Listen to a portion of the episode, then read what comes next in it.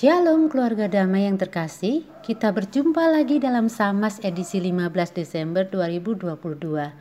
Sebelum merenungkan sebagian firman ini, mari kita menundukkan diri dan berdoa. Bapa Surgawi, kami mohon pertolongan Tuhan untuk membuka hati dan pikiran kami, agar kami dapat memahami firman yang kami baca pagi ini. Dalam nama Yesus kami berdoa. Amin. Pembacaan firman Tuhan hari ini diambil dari Galatia 3 ayat 23 sampai dengan 29. Demikianlah firman Tuhan. Sebelum iman itu datang, kita berada di bawah pengawalan hukum Taurat dan dikurung sampai iman itu telah dinyatakan. Jadi hukum Taurat adalah penuntun bagi kita sampai Kristus datang, supaya kita dibenarkan karena iman. Sekarang iman itu telah datang, karena itu kita tidak berada lagi di bawah pengawasan penuntun, sebab kamu semua adalah anak-anak Allah karena iman di dalam Yesus Kristus. Karena kamu semua yang dibaptis dalam Kristus telah mengenakan Kristus. Dalam hal ini tidak ada orang Yahudi atau orang Yunani, tidak ada hamba atau orang merdeka, tidak ada laki-laki atau perempuan, karena kamu semua adalah satu di dalam Kristus Yesus. Dan jikalau kamu adalah milik Kristus, maka kamu juga adalah keturunan Abraham dan berhak menerima janji Allah. Sejauh ini pembacaan firman Tuhan dari Galatia 3 ayat 23 sampai 29. Bapak Ibu yang terkasih, ada seorang yang menumpang kapal pesiar dan membayar sangat mahal untuk beberapa hari pelayaran. Dia berencana menghemat karena uang tabungannya sisa sedikit saja. Lalu dia membeli sekaleng biskuit untuk dibawa naik ke kapal pesiar. Beberapa hari berlayar dia hanya makan biskuit dan minum air.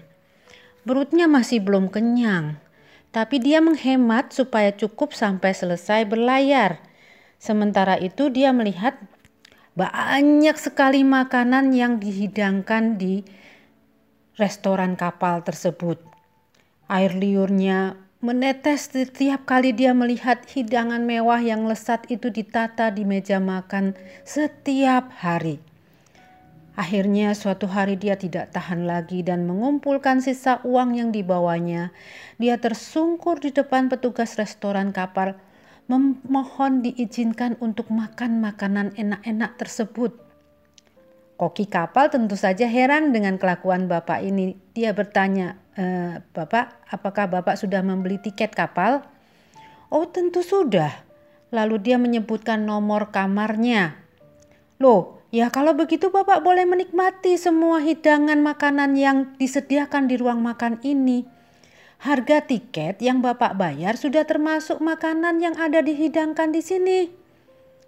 Wow, Bapak ini melongo menyesali kebodohannya karena sudah berhari-hari dia makan biskuit dan menelan air liurnya, padahal dia boleh makan sepuasnya.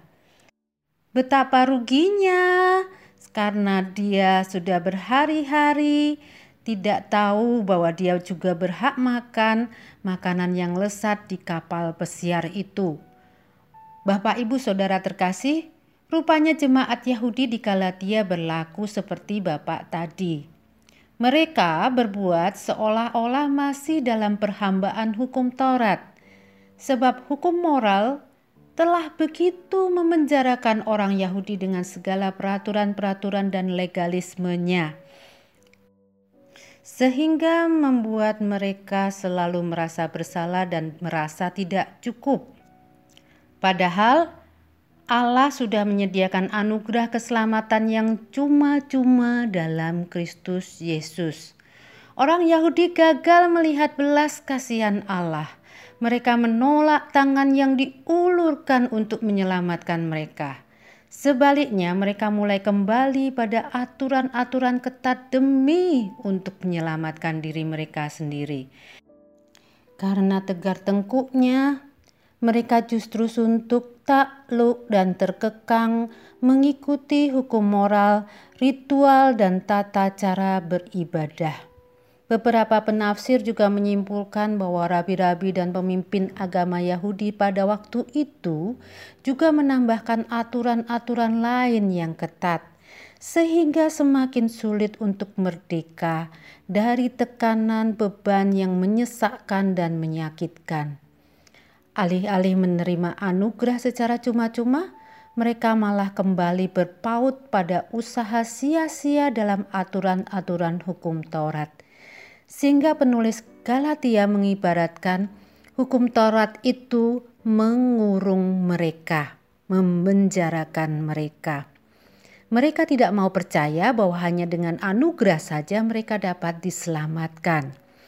Selain kata mengurung di ayat 24 Disebutkan hukum Taurat juga disebut sebagai penuntun atau dalam bahasa aslinya paidagogos, bisa diartikan sebagai pendidik atau trainer atau pengantar.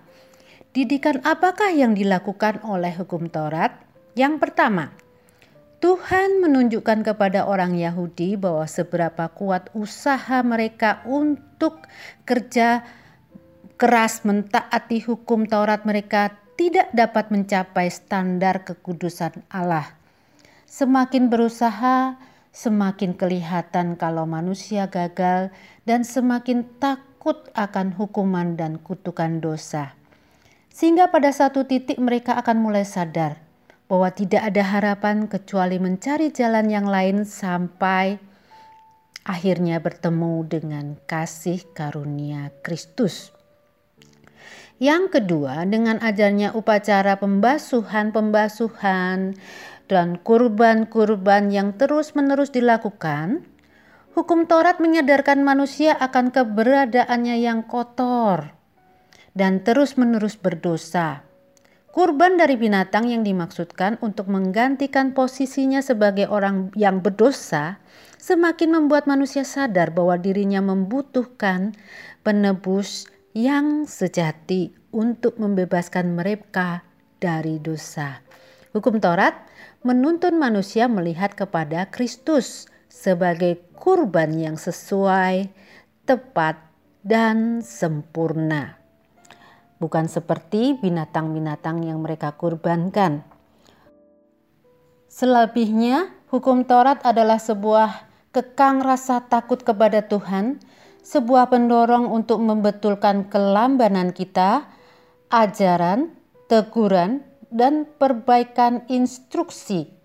Selebihnya, ketika seseorang sudah menjumpai iman yang benar dalam Kristus, maka selesailah tugas hukum Taurat sebagai paidagogos, pembimbing atau pengantar anak yang bersekolah. Bapak, Ibu, Saudara terkasih, keengganan seseorang untuk menerima uluran tangan kasih karunia Tuhan memang nyata. Ada orang-orang yang begitu takut dan tidak percaya bahwa kurban dari Kristus cukup untuk mengampuninya. Beberapa orang yang saya temui masih tetap kekeh ngotot bahwa kita harus berbuat ini dan itu supaya selamat. Sehingga ketika dikabarkan bahwa cukup hanya dengan percaya saja, mereka masih juga ragu dan tidak mau mengambil langkah iman tersebut. Pada akhirnya mereka kembali kepada ritual-ritual, aturan-aturan dan etika serta mengandalkan perbuatan baik atau karma-karma yang menyebabkan mereka tidak dapat merasakan anugerah dan belas kasihan Allah dalam Kristus. Mari kita berdoa. Allah Bapa Surgawi, kami mengucap syukur atas anugerah keselamatan yang kami peroleh dalam Kristus Yesus. Berikanlah hati yang penuh kasih, agar kami dapat menjangkau memberitakan kabar baik kepada orang-orang yang membutuhkan uluran tangan kasih Tuhan, kepada orang-orang yang masih belum dapat memahami akan rencana dan belas kasihan Tuhan dalam Kristus Yesus. Terima kasih ya Tuhan. Dalam nama Yesus Kristus kami berdoa dan mengucap syukur. Amin.